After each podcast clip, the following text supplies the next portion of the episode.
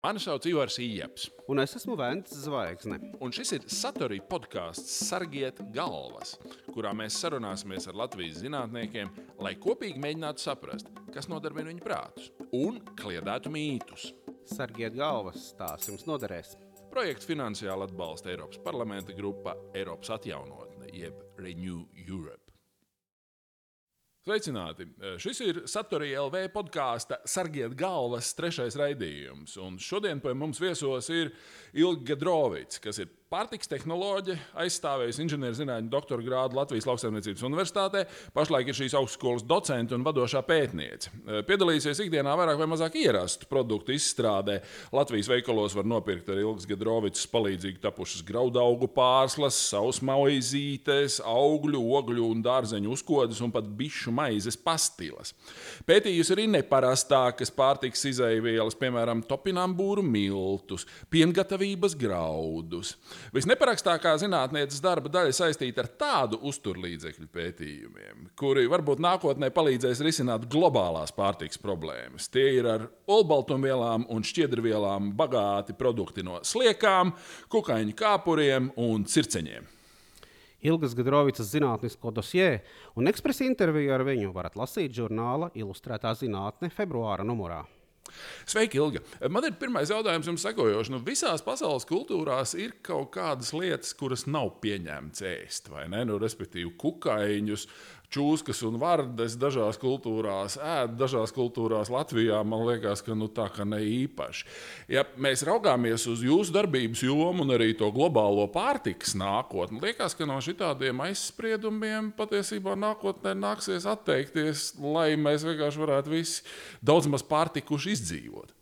Sveiciens visiem! Jā, jums taisnība. Attiecībā uz izvēlamo pārtiku, man liekas, nosaka to vis, visvairāk cilvēku tradīcijas un, tas, un to vidi, kur viņš dzīvojas. Tas ir galvenais. Un tiešām Latvijā kaut ko tik neparastu, kā tikko pieminētās čūskas un tā tālāk.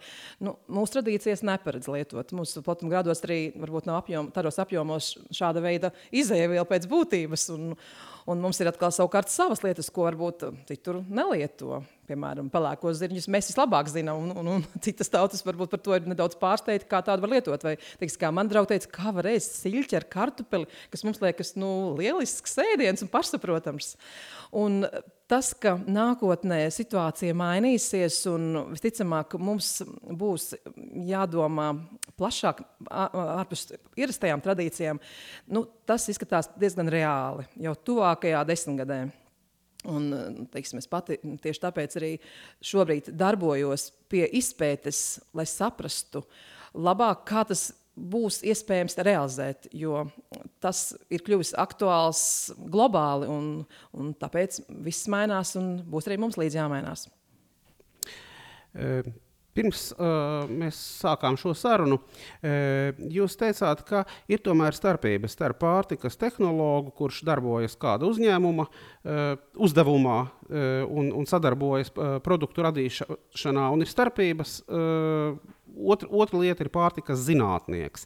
Uh, varbūt jūs varētu ma mazliet komentēt, kas ir tas, ar ko nodarbojas tieši pārtikas zinātnieki. Nu jā, pārtikas tehnoloģis bakalaura studijās apgūst tos pamatu pamatus, visas ķīmijas, fizikas, likumsakarības. Jo pēc būtības pārtika arī tādā veidā ir veidota. Un tehnologam ir ļoti svarīgi zināt šīs visas miedarbības, kombinācijas, reakcijas, kas notiksies ar pārtikas izēvielām attiecīgajās situācijās. Savukārt pārtikas uh, zinātnieks, viņš šos jautājumus pēta daudz dziļāk. Daudz, uh, smalkākus aspektus uh, grib saprast un, un, un, un to ietekmi uh, uz, uz cilvēkiem, uz, uz apkārtni vēl jau vairāk. Un, un, un pārtika zinātnieki arī ir tie cilvēki, kas dod šīs atziņas mūsdienās, kas tad ir tas labais, ko mums vajadzētu vairāk vai mazāk lietot, šīs visas uh, sap, saprašanas par to, kas ir veselīgi, kas varbūt ne tik ļoti. Tas arī ir pārtikas zinātnieka tāds galvenais mērķis. Nu, man kādreiz, tad, kad es skolā vēl mācījos, tad stāstīja, ka e, cilvēks esot kā tāda krāsniņa, e, kurā sabiedrot iekšā e, olbaltumvielas, taukvielas, vitamīnus, ja, un, un, un vēl šo to. Nu, un tad tādā veidā tad mēs tā kurinoties un varot dzīvot ilgi un laimīgi. Vai šajā diezgan vienkāršotajā skatījumā mūsdienās kaut kas ir mainījies? Nu, viennozīmīgi uzturvielas ir vajadzīgas, lai mēs būtu, lai mēs eksistētu. Un, un pateicoties uzturvielām, mēs gūstam enerģiju savai darbībai. Un būtībā mēs esam arī veidoti no šiem, šīm uzturvielām, tiksim, galvenokārt obaltumvielas. Mēs esam paši galvenā struktūra obaltumvielas. Uh, un visos procesos, kas mums organismā notiek. Un savukārt pārējās uzturvielas dod mums to enerģiju, spēku, izdarīt to, ko mēs esam iecerējuši. Sākot ar to, ka mēs augam, attīstāmies un pēc tam atjauninamies. Viennozīmīgi tas pats, tikai visticamāk mainās produkti. Pirms mēs pie tiem produktiem ķeramies, man liekas, ka uh, vismaz no tādas ilgākas atmiņas viedokļa raugoties, labojiet, ja man nav taisnība. Padomi laikā pārtikas tehnologs bija viena ļoti iecienīta profesija, tāpēc, ka tur tika paredzēts, ka no nu, līdzīgi kā restorāna pavāriem, ka tas pārtikas tehnologs pats tajā savā darbā var, kā saka, ņemt darbu līdzi uz mājām. Nu, mūsdienās tas vairs laikam īsti nav aktuāli tādā nozīmē, ka, nu, saka, ir vienkārši pieeja dažādai labai un netik labai pārtikai. Un tad bija citi laiki, un pieejamība pēc būtības pārtikai un pārtikas dažādībai bija ļoti ierobežota. Un, un tā attieksme līdz ar to pret uh, to, ka ņem līdzi no tās vietas, kur tu esi, nu, tad bija savādāk uzskatīt. Šobrīd to nosaka visticamāk konkrētais uzņēmums nostāja pret šādu rīcību, tas ir pieļaujams vai nav.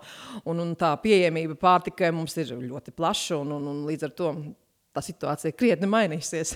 kā mums ir, piemēram, Latvijā, īpaši jau Latvijas Lauksaimniecības Universitātē, ir kaut kas tāds kā pārtikas tehnoloģijas skola, kas ir tieši Latvijai raksturīga, kaut kāda pēctecība, profesūras, publikācijas, nu, kaut, kādas, kaut kas tāds, kas nu, rada to īpaši latvisko garšu un latvisko pārtikas tehnoloģiju.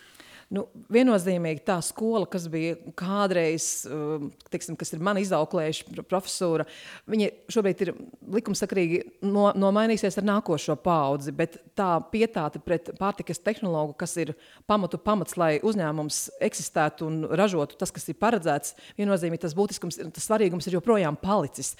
Un savukārt tas, tās iestrādes, ko devuši mm, profesori, teiksim, pir, eh, no, no pirmsākumiem ir milzīgs. Un, un, teiksim, mēs nākošie, kas nākam, mēs, vienkārši uz šīs bāzes varam strādāt, attīstīt un pielāgoties, protams, jaunajām tendencēm, skatoties, kas mums nepieciešams šobrīd ir pētīt. Bet tas ir viennozīmīgi ļoti svarīgs aspekts. Pirms kaut kādiem, nezinu, uh, varbūt pieciem tūkstošiem gadu vai, vai varbūt desmit tūkstošiem gadu eh, pārtikas eh, tehnologa darbs, kā man šķiet, bija visnotaļ dzīvībai bīstama profesija.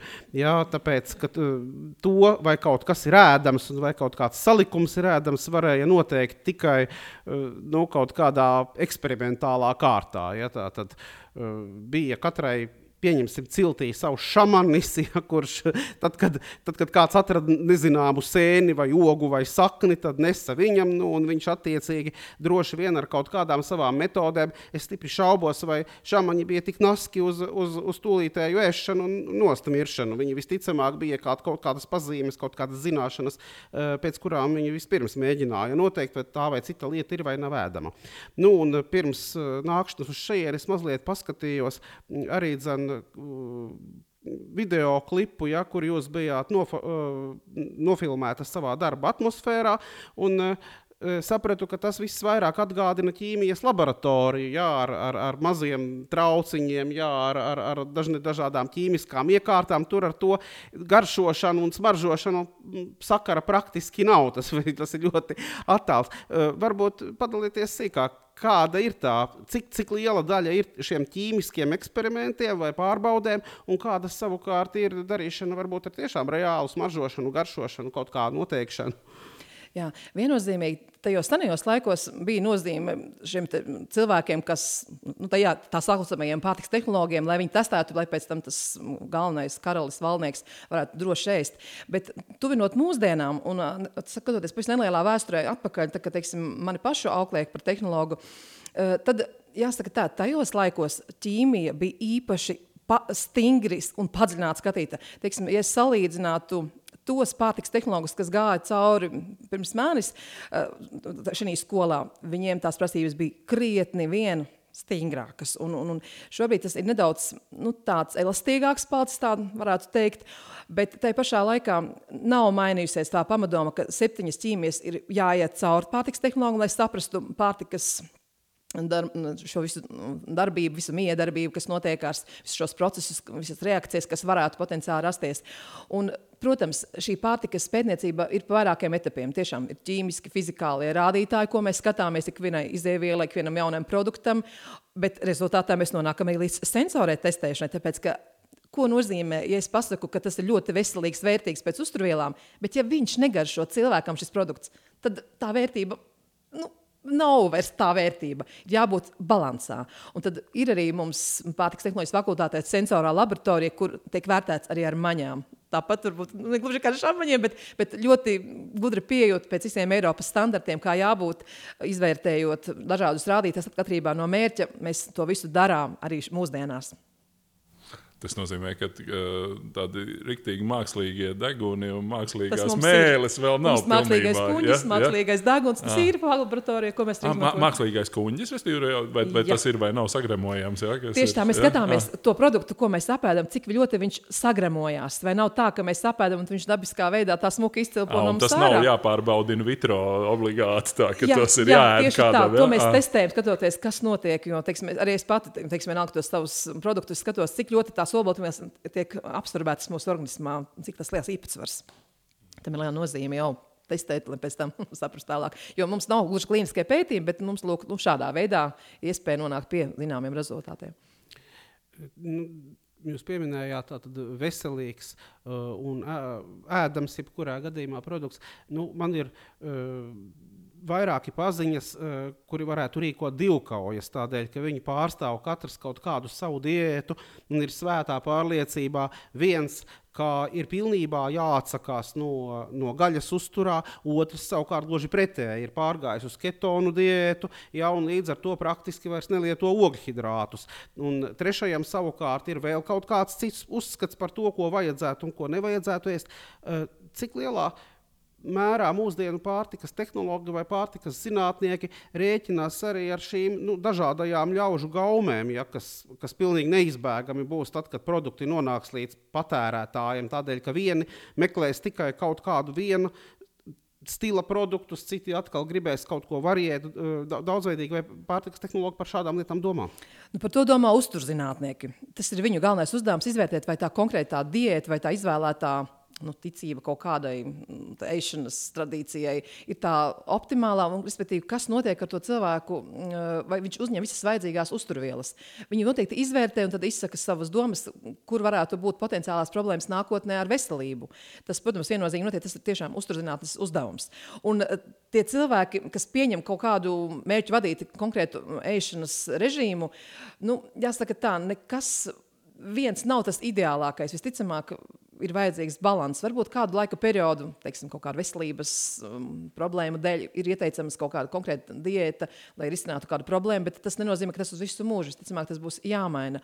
Un, lai sevi nodrošinātu ar visām uzturvielām un, un līdz ar to nodrošinātu sev veselību vislabākajā kārtībā, nu, ir jāvēro, ko mēs uz, uzņemam un, un, un ar konkrētiem produktiem. Tas, tas nav tik viennozīmīgi, nav kaut kas viens visideālākais.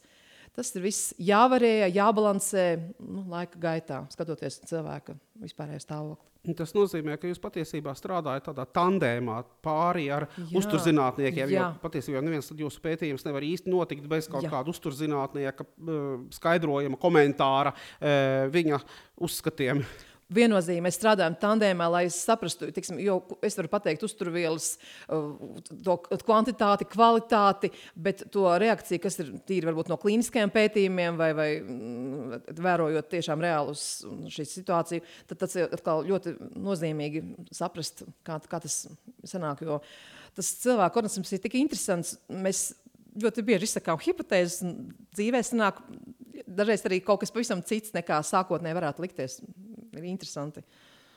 Bībelē rakstīts par Jānu Kristītāju, kurš ir pārticis tikai no siseņiem un savvaļas bišu medus. Nu, tas ir Palestīna, vai ne? Jautājums ir, mūsu senči līdz šim kaut kā nav tomēr nonākuši līdz tam, ka vajadzētu sienāžus cept un tam līdzīgi. Kā jums liekas, kas to nosaka? Nu, piemēram, tādas idejas par to, kas ir ēdams un kas nav ēdams. Nu, to noteikti nozīm, nosaka tas, tā vide, kurā tu dzīvo. Nu, mums tie sienāži nekad, nekad nav bijuši tik, tik lielos apjomos, lai mēs viņus varētu ēst. Jo teiksim, tajā galā tā, tā ir invāzija, ar kuru cīnās. Tas ir viens no veidiem, kur brīvi ar tīkliem savākt, pēc tam fritēt un, un, un lieliski lietot kā olbaltumvielu avotu. Savukārt mums ir kaut kas tāds, kas varbūt viņiem nav, jo par, par mūsu produktiem savukārt tieši tāpēc arī, arī brīnās. Nu, viennozīmīgi tā ir vide, es teiktu tā un tradīcijas. Bet tas kaut kā varētu, kāda ir jūsu kā ekspertas eh, pozīcija, tur tas varētu tā mainīties tādā ziņā, ka nu, cilvēku uz pasaules kļūst aizvien vairāk. Zinātne progresē, zinātne saskata potenciālu tur sliekās vai kaut kādos kukaiņos. Uh, tas tā, kaut kā varētu nākotnē iet uz priekšu, tā kā arī mēs varētu mainīt to savu racionu un sākt ēst lietas, kuras līdz šim mums nav kaut kādu kultūrālu iemeslu dēļ bijušas pieņemamas. Viennozīmīgi. Tas, tas, ka cilvēku skaits aug, tas ir skaidrs, jo attīstīsies paralēli medicīna, kas nodrošina mums šo dzīvošanas ilgumu, un, un visi šie uh, apstākļi, zinātne, kas mm, dod mums iespējas dzīvot ilgāk, labāk, komfortablāk. Un, un, un, uh, tas rada to, ka tiešām mēs esam vairāk un ilgāk dzīvojam, un līdz ar to mums ir nepieciešams uzturvielas, ar ko sevi nodrošināt. Bez tā mēs nekāda nevaram. Un, ņemot vērā to, ka šobrīd mēs esam tādā globalizācijā un tādā kustībā, ka ne, neesam norobežoti no kaut kā. Tas ir likumsakarīgi, ka mēs mainām savas ēšanas tradīcijas, kaut vai aizbraucot citu, debes, eh, citu pasaules malu, uzzinot kaut ko jaunu, kas patiesībā liekas, o, tīri interesanti un pat garšīgi un adaptējami ikdienā. Un eh, šie visi faktori tā, iet kopā, eh, plus vēl ņemot vērā, kas notiek ar mūsu vidi, ar resursu patēriņu, izsīkšanu, tad tas viss summējas ar to, ka mums mainās ierastais ko mēs lietojam uzturā. Un tā skaitā arī jā, kaut kas tāds neparasts kā kukaiņi.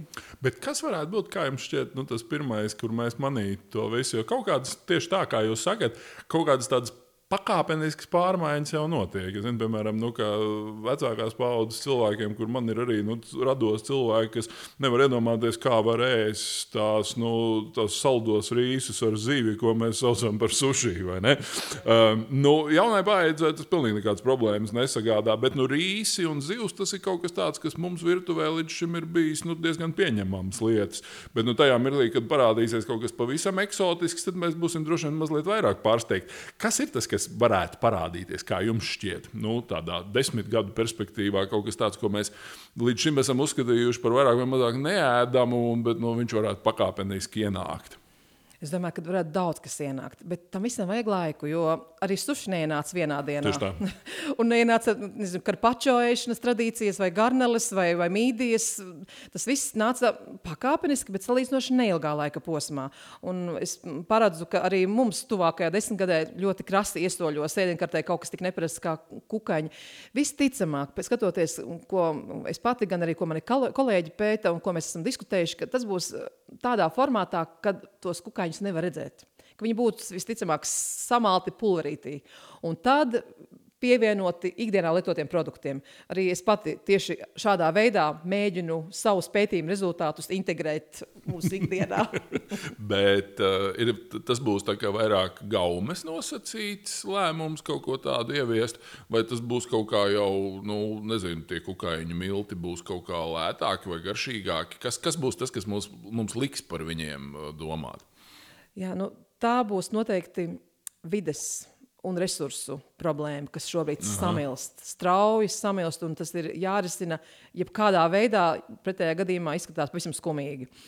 Un, uh, tas, ka tas, būtu lētāk, šobrīd noteikti tā neizskatās. Soja ir dievs pāri visam pagaidām, pagaidām. Bet attīstot tehnoloģijas, gudri varējot ar resursiem, vērot visus, visus faktorus kopā, tā kā resursus un laika patēriņu un, un, un, un tos ieguldījumus, vienalga izskatās, ka minētāji būs tie kukaiņi. Un tad viņi arī tiks piedāvāti mums ikdienā kā olbaltumvielu avots, nu, galvenokārt. Jā, e, tad, kad ir kādreiz iznāk runa par kaut kādiem ļoti eksotiskiem ēdieniem, tad es vienmēr atceros, ka uh, kādi viesi no ārzemēm nu, arī ir uh, Latvijā. Vismaz divas lietas ir tādas, par ko viņiem acis ieplešas un bieži vien uh, arī šausmās. Pirmie ir nēģi. Ko man šķiet lielākā daļa pasaules, laikam jau Latvija nav gluži vienīgā, tomēr, kur, eh, kur to sēž, ja, bet nu, lielākā daļa pasaules uzskata, ka tie ir nēdami tārpi cilvēkam, uzturā nelietojami. Un uh, otra lieta, ja, kas vismaz Eiropiešus parasti e, noved līdz, līdz roku drebēšanai, ir tas, ka latvieši rudenos lieliem bariem dodas mežos jau Sēņu. un paši uz savu galvu lasa tur sēnes. Turklāt tādas sēnes, kuras uh, veikalos arī nu, nav redzamas. Jā, un piedāvājumi vēl saka, ka teiksim, uh, šampiņonu šeit labāk nelasīt, jo šampiņonu šeit mēdz sajaukt cilvēku ar baltajām mušmirēm. Bet lūk, šito te sarkano sēni, ja, to, to, to var lasīt droši. Tā ir bērzlapīte, to mēs visi ēdam jau un, un, tad, un tad tās šausmas diezgan lielas. Tā, ka es, tā, ka es saprotu, tiešām kultūra šai, kultūrai šai ziņā ir liela nozīme. Bet tad es atceros kaut kādas arī eh, bērnībā lasītas grāmatas toreiz. Arī jau tika paredzēta pārtikas problēma nākotnē, bet tā doma bija tāda, ka uh, mūs barošot nākotnē jūra. Tāpēc, ka uh, jūras uh, un okeānu planktons, ja, un tās visa tā visa masa, kas tur topot, nu, tā, daudz kas no tā varētu būt izmantojams uzturā. Un tagad es skatos, tātad, ar, atkal, ja kādus pētījumus, tā, tā doma ir stipri pieplakusi. Tāpēc, ka pirmām kārtām ir uh, okeāni ir viena no piesārņotākajām vietām pasaulē. Tas nozīmē, ka tur ļoti daudz kas uzkrājas nelāks un, un, un, un tie kļūst ar vien mazāk uh, derīgi pārtikai. Nu, un otra lieta savukārt ir visu laiku pastāvīgi parādās aicinājumi, lūdzu, atturieties no tā vai tā jūrā iegūtā produkta lietošanas, piemēram, nu, mences mums te tuvējās ir uz izzušanas robežas, ja uh, savvaļā ķerts lasis, kas nav audzēts audzētavā, arī dzen nav vēlams. Tātad, tātad acīm redzot, tas stāsts un ilgā laika cerība par okeāniem un jūrām nu, būs uh, izsapņota. Viennozīmīgi. Mazs komentārs par to, tik, kas tikko pieminēts par tām sēnēm. Tiksim, es kā pārtiks tehnologs nu, sadarbojos ar uzņēmējiem. Viņiem tad saka, nu, ko lai tādu ražo, kas būtu interesants uh, ārpus Latvijas. Tad es viņiem arī saku, jums ir jāņem tas, kas ir mūsu Latvijas identitāte. Un te, sēnes ir viens, vienas no tām, kad es saku, teiksim, ja, nu, teiksim, tās pašas graudaugu pārslas, nu, pieliekat klāt sēņu garšvielu, tas, kas ir mūsu mežos vāktas sēnes vai mūsu mežos vāktas ogas tad mēs paliekam interesanti arī uz ārpusi, kā pārtiks produktu piedāvātāji. Tas, ir viens. Uh, savukārt par, um, par okeāniem, par ūdens tilpnēm, par Baltijas jūru, nu, tas ir tiešām vispār jau zināms, cik, cik liels piesārņojums ir no tieši tās pārtikas nozares, um, arī jo tā iepakojumu lieta, kas ir šobrīd milzīga problēma viennozīmīgi ir jārisina. Un, un, un tās varbūt arī tās zivis, ko mēs iegūstam no okeāna, no, no jūrām, pat savā ziņā ir pat bīstamas. Šie dzīvā, šīs dzīvās būtnes, kas dzīvo šajās ūdens tilpnēs, viņi uzņem ar barību pat šīs nano, nano veidā, šīs iepakojuma daļiņas, un tad līdz ar to mēs pēc tam paši esam potenciāli tie, kas uzņem kaut ko tādu nevēlamu mūsu organismā, nepārstrādājumu, un kas varbūt pēc tam ietekmē kaut kādas saslimšanas ilgtermiņā. Un tas ir, zinām, bīstamība viennozīmīgi. Bet par nākotnē runājot, izskatās tā, ka mēs attīstīsimies vertikāli. Vertikālā lauksaimniecība. Tas ir mūsu nākotne. Tādā nozīmē, ka mēs uh, audzēsim visādas lietas uz estakādēm. Uh, nu jā, jā, jā, tā ir viena lieta, par ko jau mēs arī Eiropas parlamentā sākam domāt. Turpat ir, lai parādītu, ka tas ir iespējams, Eiropas parlamenta pagalmā ir uzrīkot vienu tādu estakādu, lai redzētu, ka nu, patiesībā lauksaimniecība nav tikai horizontāla, bet arī vertikāla. Eh, savukārt eh, par tiem nacionālajiem produktiem, jā, tā ir droši vien kaut kāda, nu, skaidrs, ka sēne, mēs neesam vienīgie, kas lasa sēnes, eh, bet mums tā sēne, sēņošanas identitāte tas sēņošana kā process ir ļoti svarīga, un to noteikti būtu vērts arī padarīt par kaut kādu eksporta preci. Uh, taču, ja mēs atgriežamies pie tā nu, teiksim, nākotnē gaidāmā nu, pārtikas trūkuma, nu, respektīvi tā deficīta, kas radīsies vienkārši no tā, ka būs jāpaēdina eh, ļoti daudz cilvēku, nu, tur, protams, tas jautājums, kas visiem nāk prātā šajā kontekstā, ir par tiem ģenētiski modificētajiem augiem. Ka, Ko jūs sakat no savas pētnieciskās perspektīvas? Tas ir tiešām kaut kāda bīstamība, vai tas ir drīzāk potenciāls, ko jūs tur saskatāt, lai paēdinātu tos daudzos cilvēkus? Nu, par ģenētiski modificētu organismu es īsti kompetenti nebūšu, jo šis nav mans pētījuma lauciņš īsti. Bet tas, ka olbaltumvielu patēriņš augs vismaz par 25%, tas gan jau pēc elementāriem aprēķiniem ir izdarīts no FAO. Un, drīzāk par ģenētiski modificētiem organismiem varētu ietekmēt, ietekmēt tikai to, ka nu, ir ļoti jāizvērtē kādus, jo šīs reakcijas var būt ļoti dažādas un viss nav tik viennozīmīgi. Tur Atkal jāsaka, tā ir vajadzīga papildus pētījuma, bet nu, es ticu maniem kolēģiem, ka šajā jomā ir ļoti dziļi iekšā un, un viņi var izvērtēt.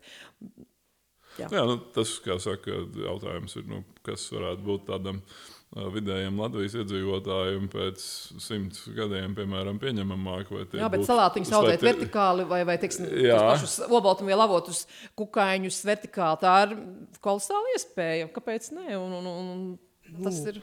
Un, un tad uzreiz gan rodas jautājums, tāpēc, kā piemēram nu, par, par audzētavām. Ja tā, tikmēr, kamēr runa par salātu audzēšanu vertikāli, to, to mēs tā, tā varam vēl, vēl daudz, daudz maz visu uh, labi iztēloties. Bet, piemēram, tiklīdz kā runa par audzētavu produktiem, nu, tādiem kā, piemēram, audzētavu laši vai audzētavu garneles.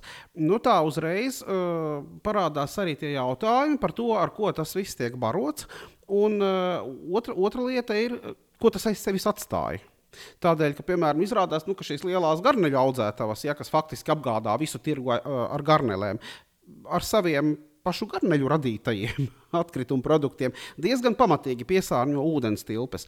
Ja, tad, protams, uzreiz rad, radīsies arī jautājums, labi, tā tad mums ir lieli, pieņemsim, torņi vai fermas. Man ir grūti iztēloties, jūs to labāk pateiksiet, kurās aug kukaiņi vai kurās aug sliekas, teiksim, kaut kā citi tārpi. Kādas varētu būt prognozes? Pirmkārt, ar ko viņi tiek baroti, un otrkārt, eh, ko viņi aiz sevis atstāja. Jā, tieši tāpēc ir jāsaka, kāpēc kukaiņus izvēlas kā potenciālo mm, produktu audzēt nākotnē. Tāpēc, ka kukaiņi aiz sevis atstāja to, ko viņi aiz sevis rada, ir vērtīgs priekš zemes bagātināšanas.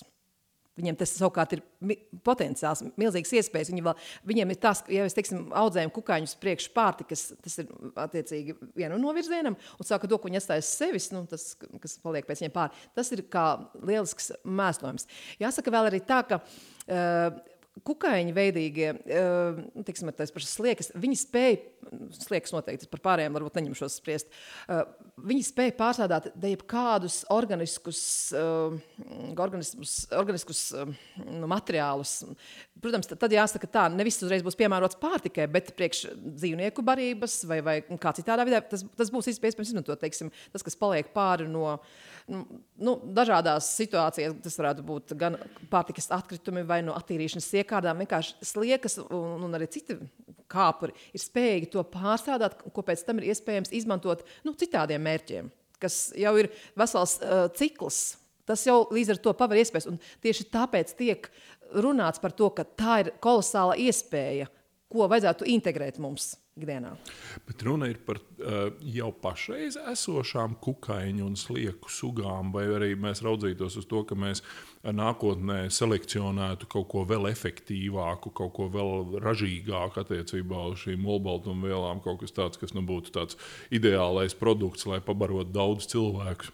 Ir runa jau par esošajām sugām, kurām šādas iespējas ir. Bet, teiksim, kā es no savas pozīcijas saku, būtu arī jāpastrādā uh, ģenētiski pie ideālā kukaiņu izmēra. Tāpēc, ka daudz kukaiņu lielākoties ir ļoti nelieli savā izmērā. Viņus ah, nevar salīdzināt ar ah, ruksi vai ar lielu lopu. Pat ar Tad, vistu. Ne, jā. pat ne ar vistu. Tāpēc es saku, tur vēl ir kur augt. Ah. Ja zinātnieki grib izpausties, tad atrast to ideālo variantu, visticamāk, vēl, vēl, vēl tikai priekšā stāv. Bet tas nozīmē to, ka mums varētu būt eh, nu, uz Ziemassvētkiem vai uz Mārtiņiem pēc gadiem, nu, 200 ne mums, bet mūsu, kā saka, tur turpinātājiem būtu nevis vista, bet kāds foršs, kāda forša vabola. Tā, Varbūt. kaut kā tāda. Vabolam tam stingri tie vāciņi, varbūt kāds kukainis drīzāk kaut kā, kuram tur pēc tam kāņu. Jā, jā. jā. mērķis pirms nākšanas uz šo raidījumu stāstīt tā drusku arī vienai paziņai par tām sliekām. Es saku, pagaidi, paga, bet kā tās sliekas dabūs tīras no zemes? Nu, viņas taču ir, viņam taču iekšā ir pilns ar, piln, pilns ar smiltīm, jā, vai mēs vienkārši neizlauzīsim zobus. Varbūt jau ir pašreiz jau zināma tehnoloģija, kādā veidā to dara. Protams, sliekas ir vispirms jātīra. Tādas pat taisno no, no tās lieku audzētājas, viņas netiek uzreiz liktas uz šķīvi, un, un tur ir zināma pārstādes tehnoloģija ar attīrīšanu. Tas nozīmē, barot ar kaut ko tādu, kas ir nu, mūsu ikdienas produkts. Nu, teiksim, tie varētu būt dārzeņi, dažādi.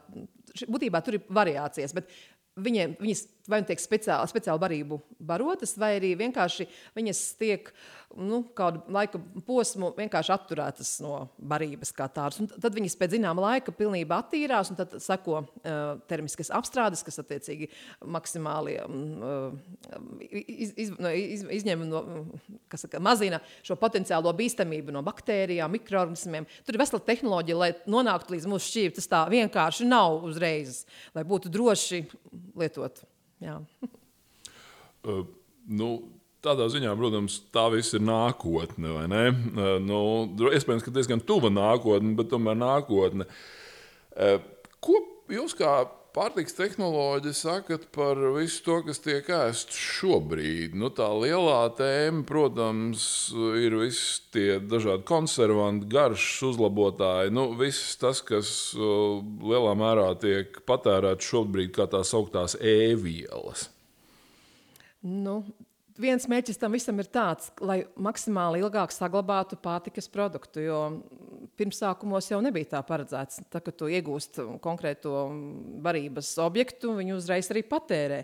Bet cilvēks ir domājis, kā rīkoties, lai nebūtu atkarīgs teiksim, no sezonas, lai varētu visu cauru gadu būt pieejamas konkrētās uzturvielas, konkrētais produkts.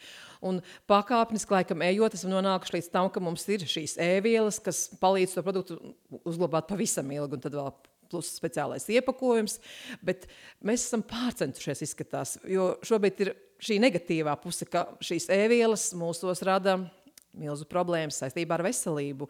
Un tāpat arī šis iepakojums pārtikas, kas nu, piesārņo šīs ūdens tilpnes. Tāpēc nav atrasts pareizais līdzsvars, lai, lai varētu to pārtiku tiešām uzglabāt ilgāk un nodrošināt sevi uzturvielām visu cauru gadu. Uh, varbūt ir vērts pārdomāt šo mainīt, tas noteikti ir vērts. Un, uh, tad jāsaka tā, arī ar tām ēvielām nu, nav viss tik melns. Ja runā par kukaiņu pasauli, teiksim, es uzreiz saku, tāda viela kā E120 ka, ka apzīmēta S20, kas ir pārtikas krāstvielas sarkanā, viņa īstenībā ir dabīgas izcelsmes, iegūta no kukaiņiem, no laputīm, kas, kuras izkaltē un tad sarīvējot pulveri, iegūst sarkano krāsu, kur pievieno mums ikdienā lietotajiem produktiem, tādiem kā kečups, ievārījums, saldējums, jogurts. Tas nav tik traki. Tāpat arī citrons skābi, viņai, viņai arī ir savs e-apzīmējums. Vienkārši nevajag visu varbūt pataisīt tikai melnu. Ir mazliet jāiedziļinās vairāk. Bet tajā konservantu segmentā, nu, pilnīgi pareizi, jā, kā jūs sakat, ka ir jāsaglabā ilgāk, ka tu nevari saka, visu to, kas ir sarežģīts patērēt.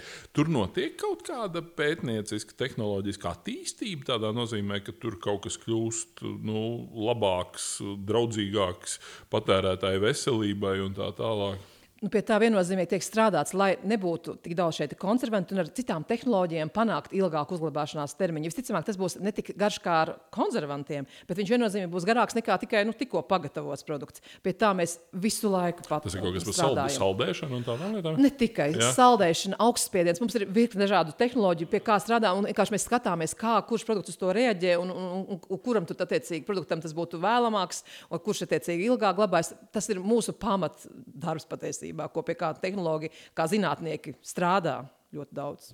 Varbūt tas arī saistīts ar, ar šīm pastāvīgajām sūdzībām, nu, kā, eh, kādēļ cilvēki apgalvo, ka teiksim, veikalā pērkamais piens acīm redzot, esot gatavots no kaut kāda pulvera vai no kaut kā tam līdzīga, tādēļ, ka nu, no tā nekādu nevarot dabūt rūgušpienu. Ja šo pienu atstāja, atstāja vaļējā trauciņā, kā tas normāli vienmēr ir bijis ar govs pienu, ja, nu, tad, tad laika gaitā tas, tas pārvēršas nevis par, nevis par rūgušpienu, eh, bet, bet par kaut kādu diezgan nepatīkami smakojošu masu.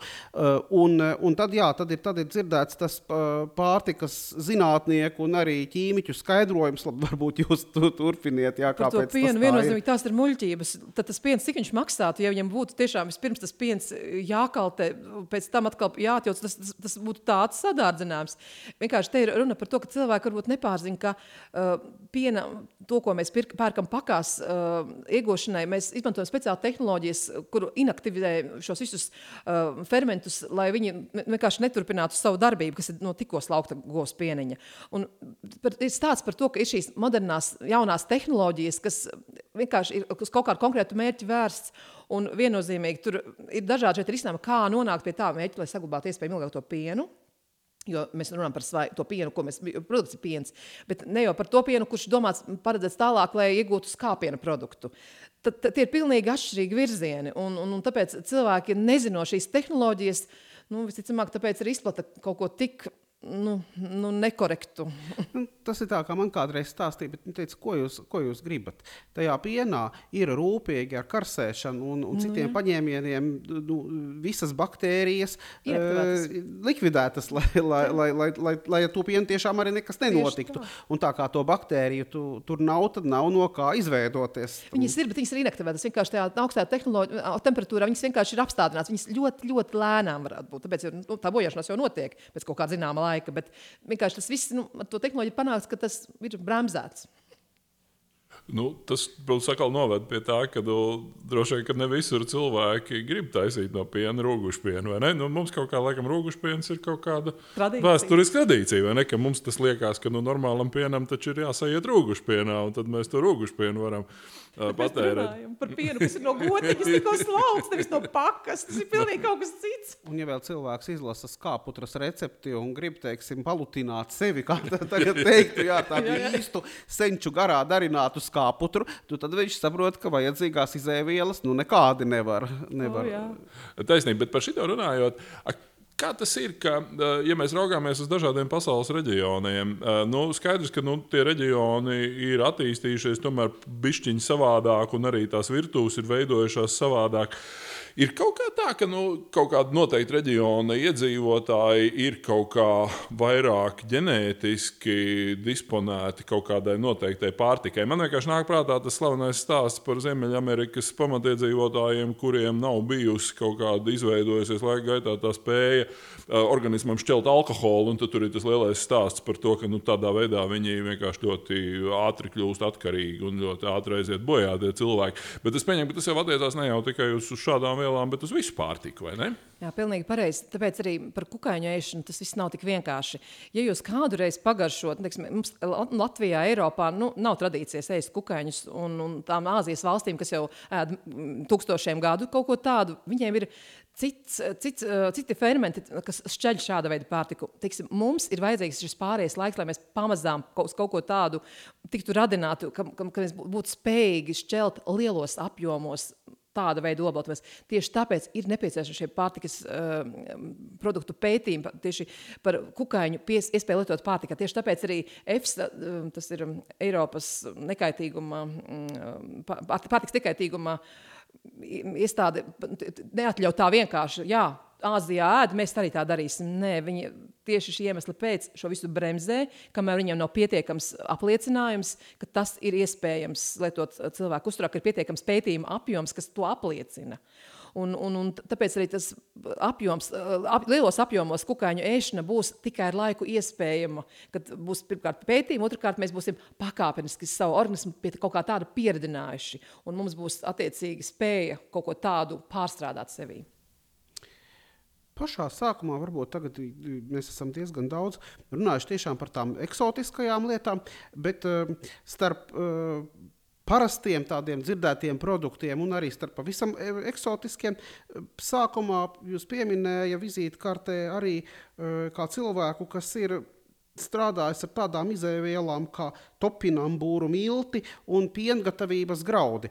Uh, nu, labi, topinām būru es laikam vienreiz mūžā esmu ēdis, gan ne miltu veidā, bet kaut kā citādi pagatavot, vairāk nav nācies. Par to, kas ir piengatavības graudi, es varbūt zinu tikai tāpēc, ka es pats nāku no laukiem un bērnībā, ja tādus graudus esmu plūcis no, no, no tīruma, jo, jo tos var ēst tāpat vienkārši noplūktus uh, ar rokām. Varbūt pastāstiet, kas jūs mudināja pievērsties tādām izēvielām. Ziniet, tad, kad es iestājos doktorantūrā, un patiesībā sakot, gribēju stāties un pievērsties zinātnē, eh, tad es meklēju savu pētniecības objektu. Un jāsaka tā, mm, esot saistībā ar pārtiku, man likās interesanti ir pētīt kaut ko tādu, kas ir mazāk zināms un lai būtu interesanti pašai. Un tieši tas arī bija iemesls, kāpēc es izvēlējos varbūt ne tik ļoti ierastas, teiksim, normālus graudus vai, vai, vai kārtējo kartupeli vai, vai nezinu, tur, tas, kas mums ir kā vispār zināms. Man gribējās saprast kaut ko jaunu, uzzināt, to, atrast tos interesantos jautājumus, atbildes, kas, kas rodas ar kaut ko tik neparastu. Un arī likumsakarīgi es esmu arī nonācis tā, arī šobrīd līdz kaut kam tik neparastam, jo ir ļoti interesanti man pašai. Jo, ja ir rutīna, tad vairs nu, zinātniekam, liekas, es nezinu, vismaz man personīgi, tad vairs nav tas entuziasms darīt to, ko tu dari. Bet vai tas uh, iemesls ir teiksim, kāda īpaša garša topinambūriem un, un, un piengatavības graudi, vai tie savukārt satur kaut ko tādu, kas, ko citas, uzturviel, citas mūsu pārtikas izēvielas nesatur? Protams, mēs, mēs pētām kaut ko tādu, kur ir kaut kas ļoti vērtīgs no uzturvielām. Un, ja runājam par topinambūru, nu, galvenā vērtība viņam tāda, ka topinambūri bagātīgi satura inulīnu, kas ir uh, šķiedrviela, kas ir vērtīga, ko, ko mēs uzņemam un tādā veidā, teiksim, nu, viena no iespējām, ka mēs savas labās baktērijas pabarojam savā organismā un risinām virkni dažādas problēmas saistības ar veselību. Vienkārši nav pietiekamā apjomā izpētīts šāda veida produkts, kas satur vērtīgo inulīnu.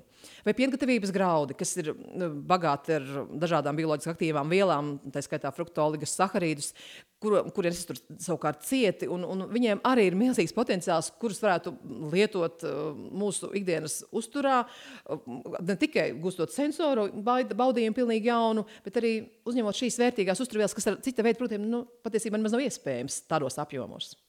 Šis ir interesants jautājums. Starp citu, ja mēs paraugāmies nu, uz tādu vidējo mūsu reģionu iedzīvotāju, kā viņš ēda piemēram pirms 50 gadiem un kā viņš ēda šodien. Šodien, protams, nu, cilvēkam ir izējot no viņa vēlmēm pieejams daudz, daudz plašāks tas produktu klāsts.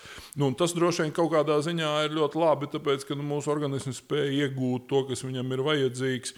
Uh, nu, no pārtikas, ko viņš ne, nespēja iegūt tajos laikos, kad nu, bija tā padomju laika pārtikas pieejamība. Bet uh, tas ir kaut kas viennozīmīgi labi vērtējams. Vai arī tādā ziņā, ka tā, tā pārtikas vielu bagātība rada kaut kādus papildu veselības riskus. Nu, mēs varam iest vienā brīdī kaut ko tādu, kas, kas patiesībā mums ir kaitīgs. Ir jāsaka tā, ka tā lielā daudzveidība, kas mums ir pieejama, tā ir kolosāla iespēja. Bet jautājums un problēma ir citur, ka cilvēki neizvēlas sabalansētu uzturu. Ka cilvēki izvēlas kaut kādu viena veida, varbūt produktus, un līdz ar to viņi patiesībā nemaz neuzņem visas vajadzīgās uzturvielas. Vai nu cilvēkiem vienkārši nav zināšanu par to, vai cilvēks mm, vienkārši, nu, vienkārši sensori tikai kaut ko tādu vēlas baudīt. Bet tās iespējas, kas ir šobrīd, ir tā ir lieliska iespēja. Bet ir jautājums citā, jā, cik, cik ļoti tas cilvēks par to zina, kā tas būtu jāpielieto.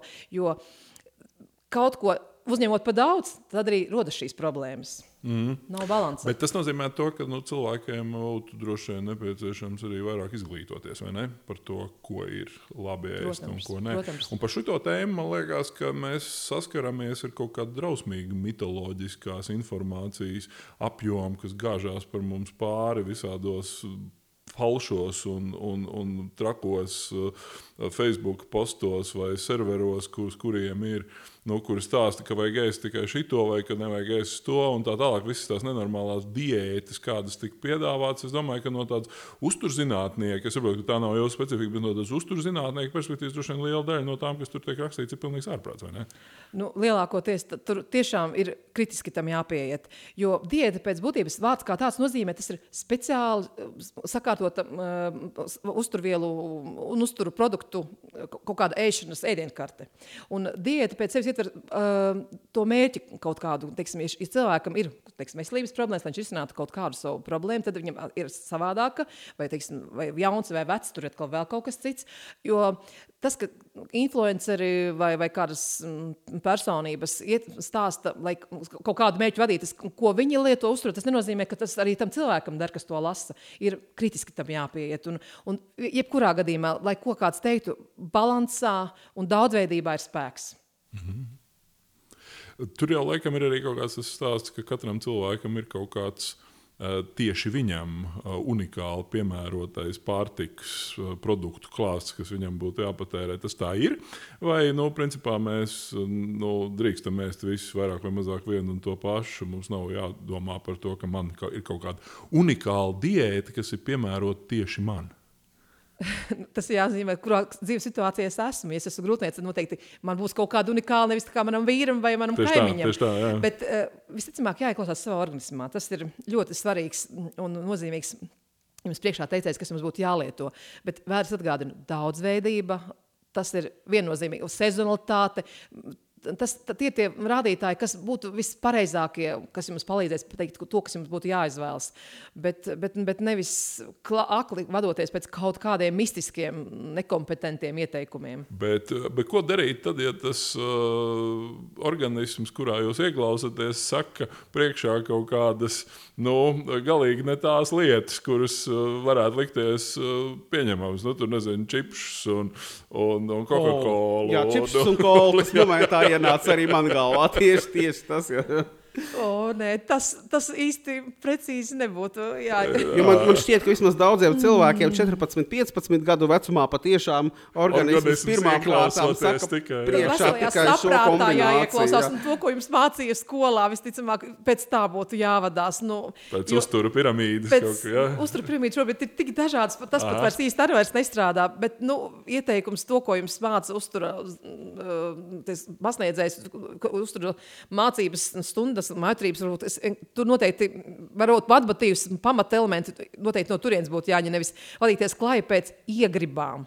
Tas vairs nebūs aha, tas aha. labākais. Tā, tā, tā lielā skunsta ir nošķirt to pareizo ieklausīšanos no tām iegribām, ka man tagad gribās kaut ko, kaut ko tādu kā čipši un kola. Uh, Eh, jūs lietojāt tādu smalku svešvārdu, kas man iekrita sirdī kā ļoti precīzs, proti, sensorais baudījums.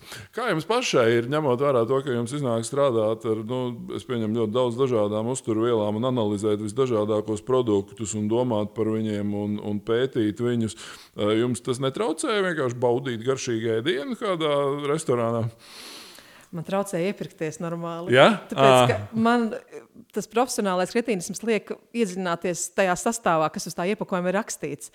Un, un arī to izcelsmi, kur nācis konkrētais produkts, es ļoti, ļoti skatos. Tomēr, tā, es izvēlos priekš sevis savas ģimenes um, produktus.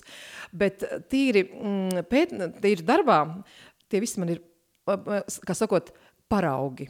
Es, es viņus nesaucu par pārtikas produktu, bet tas, šis ir paraugs tāds, šis ir paraugs šitas, tas ir kontrole, tas ir ar tādu vai šādu izdevēju. Tad man ir, es, man pašai pēc smieklīgi, kā es pati savu disertāciju rakstīju, sanāca dažreiz tā, ka laboratorijās aizsēdies līdz vēlai naktī, teiksim, 8, 9, jau visur, visi ir aizgājuši, man šausmīgi gribas ēst, pusdienas bija kaut kādos, nezinu, vienos, divos, un, un man saka, kāpēc tu neēdi, Riku, te taču ir, es saku, pareizi, tie taču, tie, tie ir produkti, ir visparaugi, un man tā iesmies, un saka, tik tālu pat nonācis.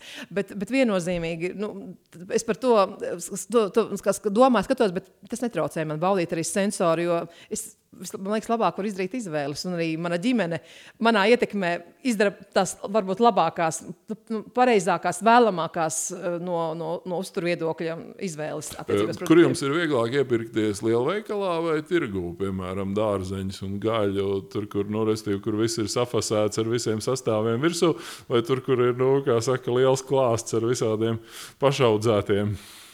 Nu, Jāsaka tā, ka man jau patīk tirgus. Tad, jo tad es tos cilvēkus personīgi jau ilgstoši esmu iepazinusi, un, un tad es jau zinu, ok, šis ir kungs vai ar, ar savu kundzīti atbraukuši no, no, no pagasta, vetur savus dārziņus, kartupeļus un vietītas kāpostaņus.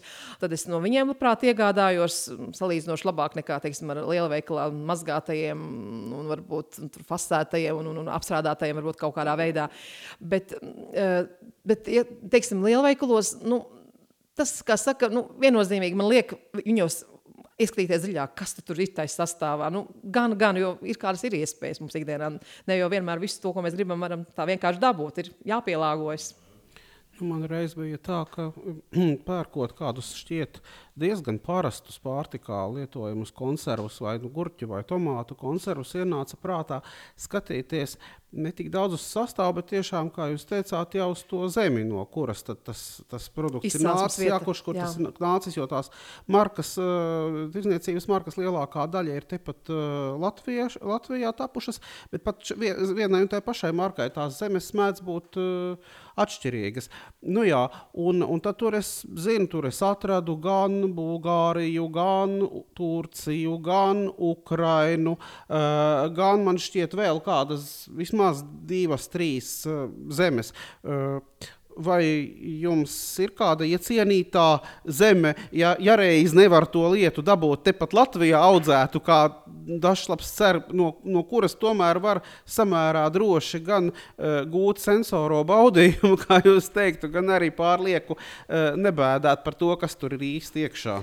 Nu, Noteikti jāvadās pēc tā, kas tajā konkrētajā valstī ir tipisks. Nu, loģiski, ja saka, ka nu, Latvijā auguši banāni, mēs neticēsim neviens. Protams, jā. Bet par tām zemēm tur jau varētu diskutēt, vai ne, kur tā izcelsmes. Bet, bet teiksim, nu, es viennozīmīgi izvēlēšos, ja es zinu, ka nu, Spānijā ir ražas laiks šobrīd šiem citrus augļiem, nu, tad es, tad es viņus izvēlēšos. Jo mm, tas, tas viennozīmīgi liks.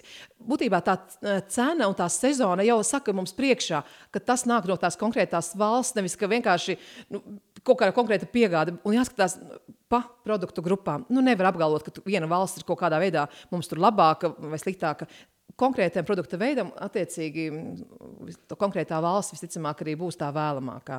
Tā kā tur nav viennozīmīgi. Un, jā, ja iekomentē par to, ka mm, tiešām tos konservus, kas ir tiksim, tie paši gurķīši vai, vai tur, nezinu, āboli, kas ir nākuši no citas valsts, kaut kas skaties, Brents ir ar Latvi, Latvijas.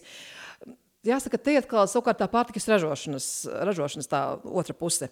Jo nevienmēr vietējie ražotāji var nodrošināt pietiekamu apjomu šai izēvielai, un tad nākās iepirkt ārpus. Jo, teiksim, es pati esmu izstrādājis produktu ābolu, liela ābolu dārza īpašniecei, bet viņa nevar visu cauru gadu saražot tikai no saviem āboliem to produktu, jo viņai piegādēm jābūt regulāram tajā Rīgā vai Maksimā, vai kur viņa met tos produktiņus. Un tad viņa, līdz ar to viņa jau slēdz līgumus, kas viņai palīdzēs, jo viņa teiksim, pēc pirmajiem pāris gadiem jau ir sapratusi, cik viņai trūks, un tad viņa meklē. Un, protams, arī vērojot maksimāli nu, tuvāk, jo vietējā produktā ir spēks un arī nu, maksimāli tuvāk, lai tas nebūtu braucis no otras zemeslodes puses, kas attiecīgi atstāja nelabvēlīgo pēdu. Tā ir milzīga politiska problēma, kā reiz šobrīd Eiropā saistībā gan ar to zaļo kursu, gan ar piesārņojumu. Tādā nozīmē, ka mums īsti nav nekādas jēgas pašiem ražot ļoti bioloģiski un labi, ja mēs visu laiku importējam kaut ko no valstīm, kas to galīgi negrib darīt. Un tad ir jautājums, kā mēs to uh, izkontrolējam. Nu, tur tas konkrētais stāsts, protams, ir uh, lielākoties bijis saistīts ar Ukrajinu, kas, kā zināms, ir no jaudīga lauksaimniecības zeme. Nu, tur, cik lielā mērā viņi tur lieto tos pašus pesticīdus vai, vai, vai ko tamlīdzīgu. Eh, Ja tā tuvojoties sarunas noslēgumam, varētu prasīt jūs.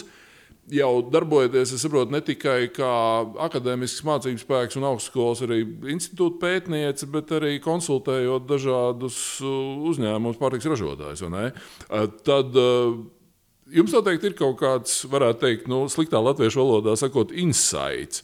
Kas varētu būt tas nu, teiksim, tā, eksotiskais, kā reiz no visām mūsu apspriestajām lietām, kas varētu parādīties nu, tuvāko gadu laikā veikalos, kur visi varētu tā parādīt, oho, vai arī nav šobrīd nekas tāds, kas.